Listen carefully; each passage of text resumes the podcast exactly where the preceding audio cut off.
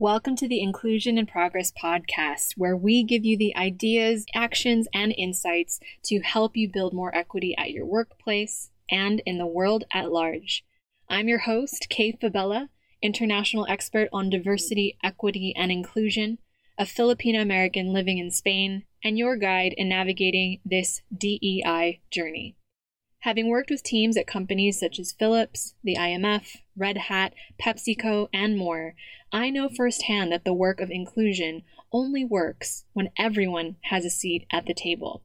Regardless of your personal entry point into this conversation, your race, ethnicity, gender, ability, age, sexual orientation, country of origin, or educational background, we all have a role to play in creating inclusion for all. And it starts with us having conversations we need to create the change we wish to see. So let's dive into today's episode.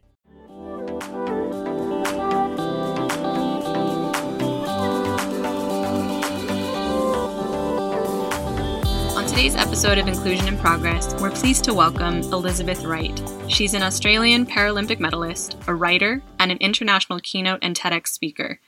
Elizabeth is a leader and changemaker on disability, inclusion, and resilience, and her dream is equality for all disabled people. As somebody like me who is continuing to learn about ableism, how to be a better ally for the disabled community, and make sure that disability is and continues to remain an important part of the DEI conversation, this was a particularly interesting and insightful episode, and I truly hope you'll enjoy it as much as I did. All right. Welcome back to Inclusion in Progress. I'm super excited to have the lovely Elizabeth Wright with us today. Thank you for joining us, Liz.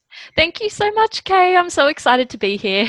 Likewise. I mean, uh, we've obviously been in contact for months now before this call and before this episode. And I'm, I'm obviously, I loved your story. I, I loved everything that you stand for. And I really wanted to touch on the disability conversation within DNI today. So I'm super happy to have you. Thank you. Oh, no, thank you. I think when we first connected on LinkedIn and I was looking at the work that you do and the way that you're kind of bringing a voice to kind of every group within kind of diversity and inclusion, I think is amazing. So I'm really excited to be involved with your podcast and the work that you're doing. Fantastic. I'm super happy to have you here. So, of course, I would love to, just because your story was really what drew me in, your TEDx talk, I'd love for folks who maybe it's hard for me to imagine that not enough people know you, but could you, for the people who are listening, walk us through your story and your journey? Oh my gosh, yeah, I'll try and do it fairly quickly because sometimes I feel like I've lived about 100 years in like the 40 years that I've been on this planet. but I was born in Sydney, Australia in the late 70s and I was born with a physical disability called congenital limb deficiency, although these days the kind of more correct term to use is limb difference. So I was born with this physical disability into a, a non disabled family. So my parents had not had any experience around disability before in terms of their entire life. So I kind of say to people, I was, I was exposed really to kind of an activism outlook from the the very beginning of my life because my, my parents really had to advocate for me and really fight certain institutions like governmental institutions to get me into mainstream education and to be able to take part in extracurricular activities and all these aspects which you kind of think why would they have to fight for that but they did to allow me that experience to just really be in this world as me. So, kind of grew up in this family where I was the only one with a physical disability and but I had this really strong family unit that believed in me and supported me and that kind of went forward into my teen years where kind of growing up in Australia, we have really hot summers. So a lot of us have pools in the backyard. And I grew up with a pool in the backyard and I loved swimming. And for me, being in water was really an empowering space to be in because for me, water is a really accessible environment can do so much in water that, that I can't do on land. And from that point, I kind of at the age of 13 made the choice to swim at the Sydney 2000 Paralympic Games. And of course, my parents, being parents, are a bit like, yeah, okay, it might happen, it might not happen, but we'll take you training and see, but don't get your hopes up. But I've always been stubborn. I think my catch cry when I was when I was little, a little toddler, was "Leave me alone. I can do it myself." So I've always been really stubborn and, in, and independent, and I was so determined to swim at the Paralympic Games. So my parents started taking me training, and I really put my head down and by the time I turned 16, I was actually selected to represent Australia at my first Paralympic Games at the 1996 Atlanta Paralympics, which, yeah, I think I shocked everyone, mostly probably my parents. So I flew over there, competed at the age of 16, walked away with a bronze medal in the 50 metres butterfly, my very, very first Paralympic final, which just completely blew my mind. I couldn't believe that I'd managed to achieve that. But it kind of gave me that confidence that maybe maybe I am on the right path with this whole sport thing and Paralympic thing. And then flew home four years later, swam at the Sydney 2000 game. So I achieved that that goal that I'd set for myself. And actually, in the 400 meter freestyle, which I was ranked 15th in the world in, I managed to win the silver medal, which just again kind of blew my mind and, and kind of helped me see, I think, and understand the kind of power we have within ourselves to actually achieve stuff. And of course, that's not to discount the kind of community power of being able to achieve and succeed and make change. But for me, in that moment, being in that race, it was kind of very empowering for that resilience and determination that I realized I had in myself. So I retired from Paralympic sport at the ripe old age of 21. um, and retirement has a very different meaning for you.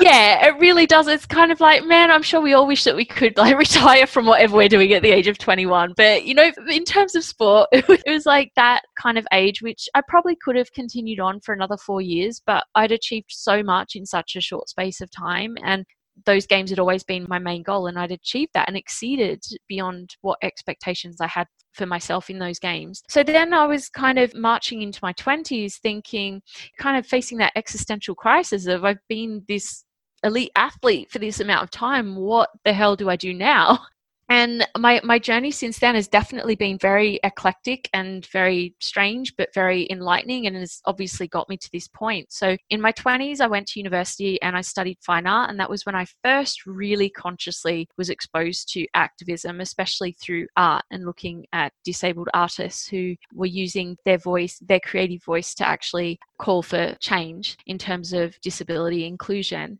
and from there, I kind of then moved to the UK from Australia to do my PhD, which I still haven't completed.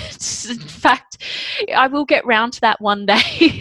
no the, judgment, no judgment. no judgment at all. It's like, I think same old issues a lot of academics face. You're struggling to gain funding to complete it and to keep on top of it. So it'll happen one day, don't know when. Um, but when I kind of had to step back from the PhD, that was when I started doing a lot of keynote speaking in schools, talking mainly about my Paralympic experience. But as the years have gone on, I've been talking more and more actually about disability. And in the mix of this, I did another master's degree, which was on character education, because I was kind of looking at those traits that I kind of have as someone with a disability who's kind of going out into the world and just living my life as I am, but questioning those character traits and who I am as a person and how my history, how my journey is, has impacted that. So I kind of did that master's degree, and that's where kind of the TEDx talk kind of comes into it. And talking about how we actually have to look at disabled children and disabled people definitely through a different lens. I think there's so much representation out there that's very misleading about what disability actually is. So it's kind of then led me to this point where I'm really consciously embracing my activism now and really looking at how I can take all of that life experience and actually create change, not necessarily for me, because I don't think that I will see the change that I want to see in my lifetime. But for me, it's about those younger people. So in my TED talk, I mentioned a young girl called Emily, and it's about changing the world for them so that these children are stepping into this life knowing that they're not going to be judged or discriminated against or bullied because of their disability. So I tried to do it as quick as I could, Kay. It's incredible. I, I didn't want to jump in because I love every beat of your story. It is fascinating. It's inspiring. I love how you called it eclectic. it is. I feel like it's like I have really eclectic music tastes as well. And I feel like that's just reflected through my whole life. I love that. Well, we'll definitely have to dive into music another time because I feel like we could just talk about that for hours. Um, yeah. so, one of the things what I really wanted to highlight for folks is, especially if you're listening to this podcast, I love that Elizabeth brought to light a lot of the work that we're doing under the diversity, equity, and inclusion umbrella, wherever you're coming at it from, is not necessarily about worrying about the short term gains, but just mm-hmm. reconciling ourselves to the fact that we may not see all of that change in our lifetimes. And I think that rather than that being something that deters us, I'm definitely hearing in your voice and even just listening to how excited you are about talking about it, that mm-hmm. it's something that motivates you. It's like thinking about who's the next generation who's going to benefit from me having moved the needle forward. And I really wanted to highlight that for folk because I think that it's there's there's a tendency in any aspect of DEI to focus on what am I gaining? What are the metrics? Mm. I need to mm. have change now. I need to push for change now. But the fact of the matter is, we have to change a lot of behaviors and even systems and things like yeah. you said your parents uh, had to deal with when you were a child to let folks like you and me and whoever is quote unquote different on whatever scale that is exist. And so I really wanted to highlight that and stress that. And, and thank you for sharing that.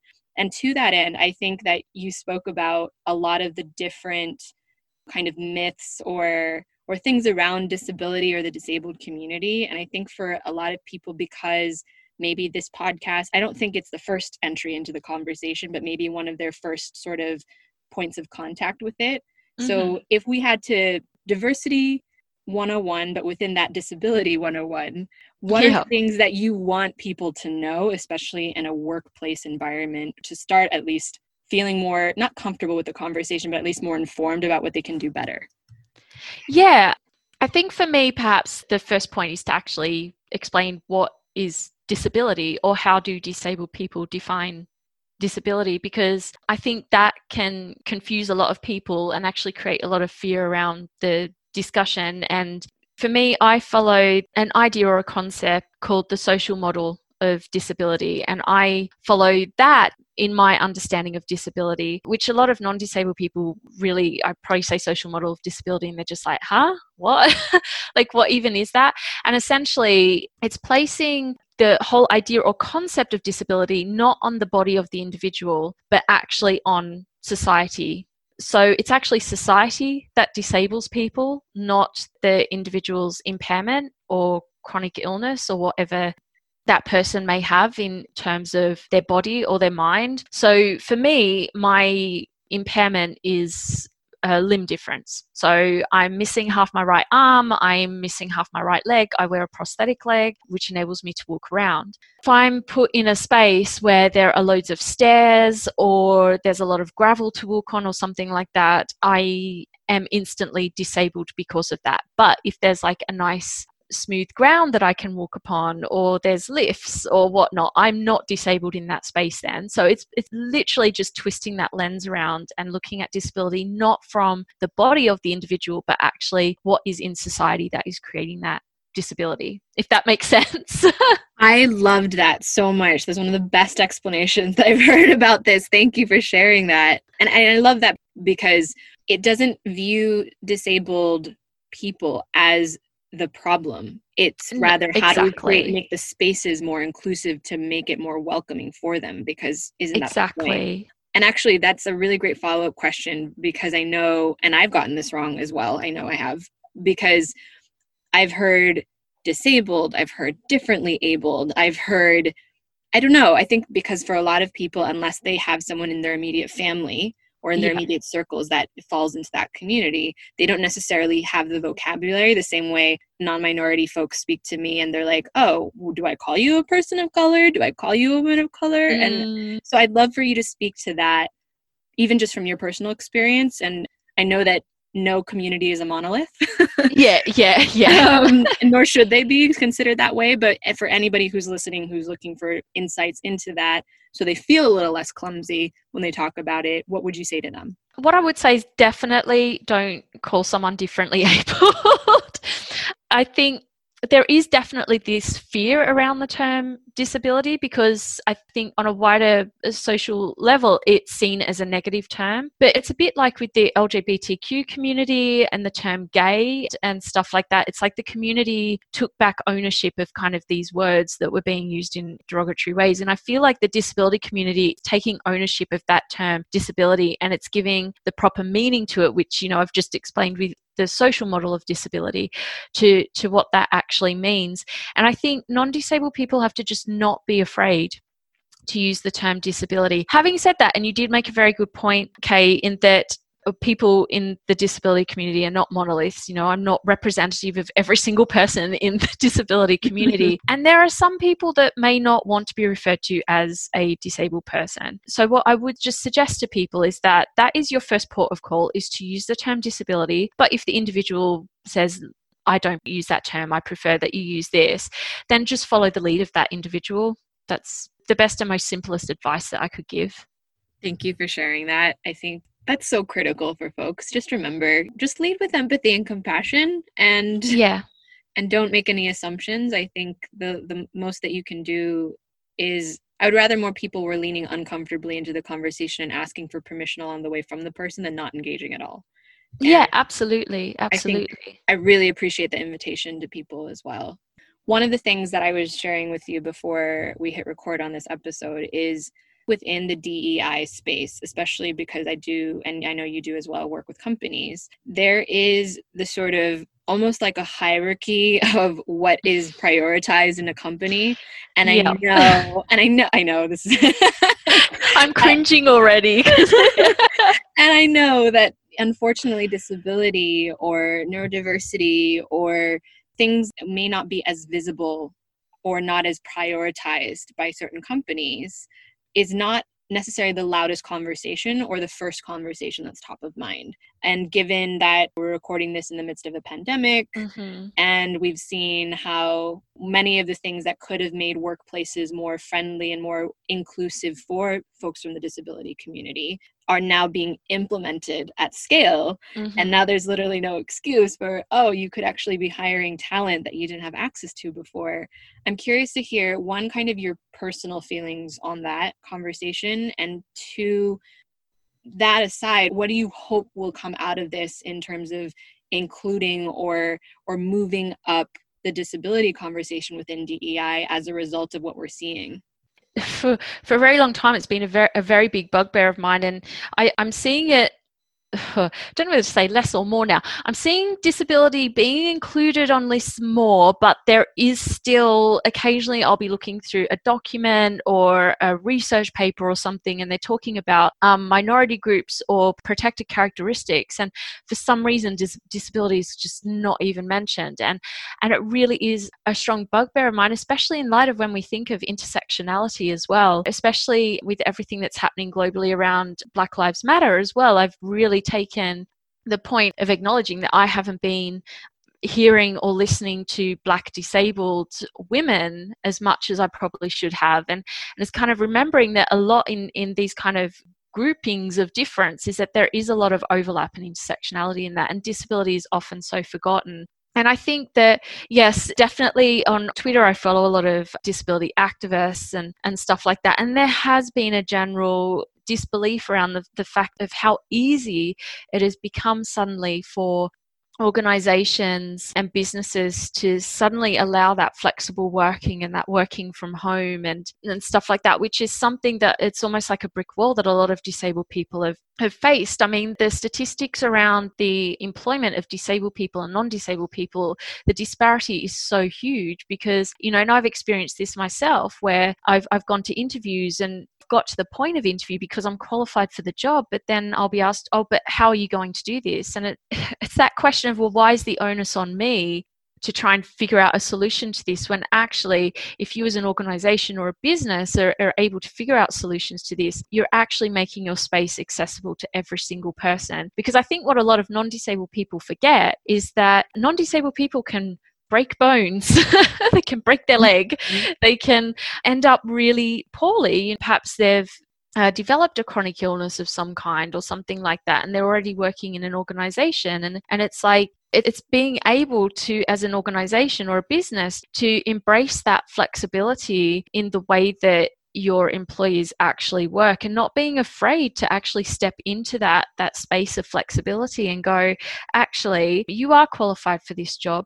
We do have to make reasonable adjustment and we're willing to work with you and listen to you to create that adjustment that makes this space accessible. But I think another thing we have to be aware of when we're talking about accessibility, for me, it's not just the physical accessibility, but it's also the cultural accessibility. So mm-hmm. if you have a workspace where the people that work there maybe have not encountered many disabled people in their life, whether they've encountered anyone at all, and it's ensuring that the whole company or, or, organization or business perhaps have some disability awareness training so that every single person is aware of again coming back to the idea of language like they're not offending the disabled person by calling them differently abled or whatever. So it, there's so many layers and so many things that are thought of. It's not just about the actual physical accessibility as well and i think that the point with this pandemic is that it's shown that all of these things are absolutely possible and I tweeted it quite a few times. I know other disability activists have tweeted it a number of times is that there's no more excuses anymore. That if you are looking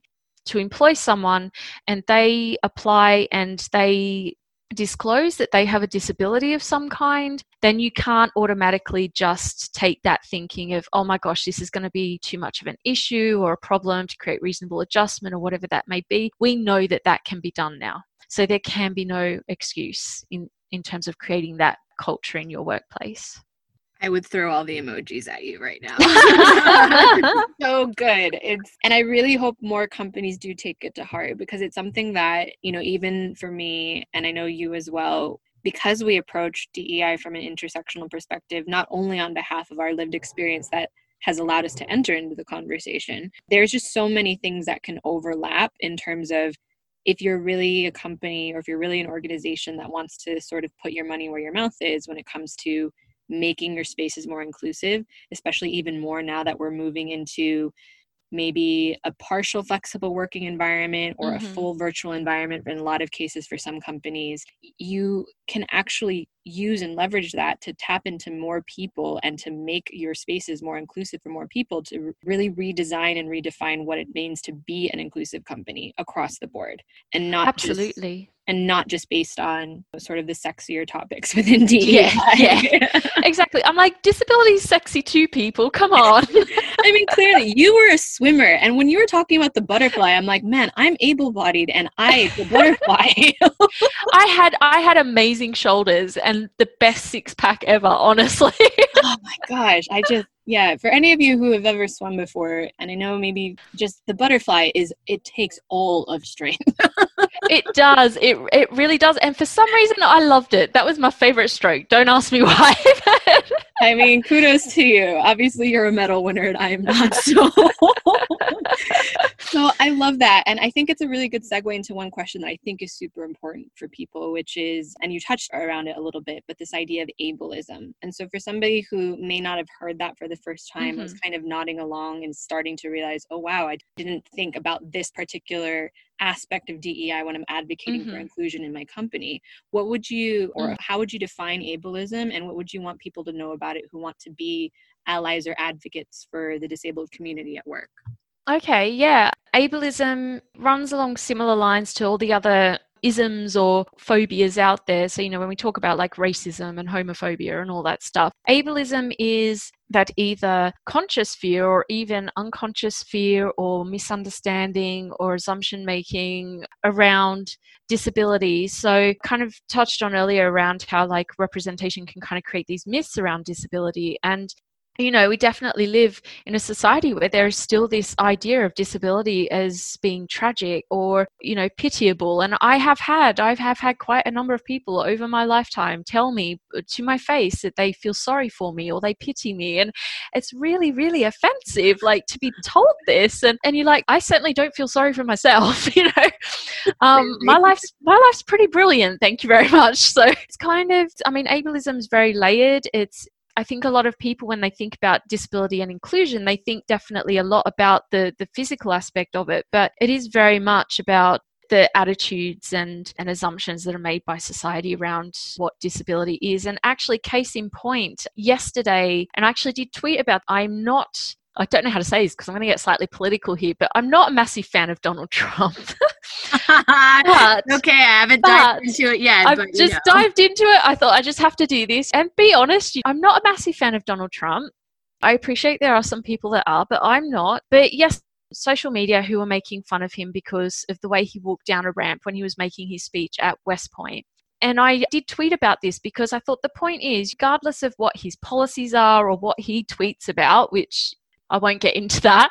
But the point is, I tweeted that if you are making fun of him because of the way he's walking down a ramp, then you are making fun of me because I walk down ramps funny. So this is kind of ableism. It's that taking a disabled person's experience and either not understanding it, making fun of it, discriminating against that person because of it, fearing it, all of these elements. So it's a very complex kind of concept, but homophobia and racism and all that stuff is very, very complex concepts as well, that there are many layers to. So for me, that is what ableism is it, it's these assumptions and biases that society have around what it means to be disabled. And I think, in terms of being a better ally for disabled people, I think very much it's about listening and learning from disabled people. So it's about taking the time to actually read up. So perhaps read blogs by disabled people, follow disabled people on social media and promote their voices and really listen and learn from them and believe them with what they say about disability. You know, I've kind of spoken with friends and family members about comments people have made to me, and the response will be, oh, but they might not have meant it that way, or they were just being kind, or da da da da da. And it's like, yeah, but it kind of made me feel pretty rubbish. So can't take that treatment or that comment by that person in that way. So it's kind of like, please believe disabled people when they say, well, that made me feel uncomfortable, or I wasn't happy with that, or that offended me.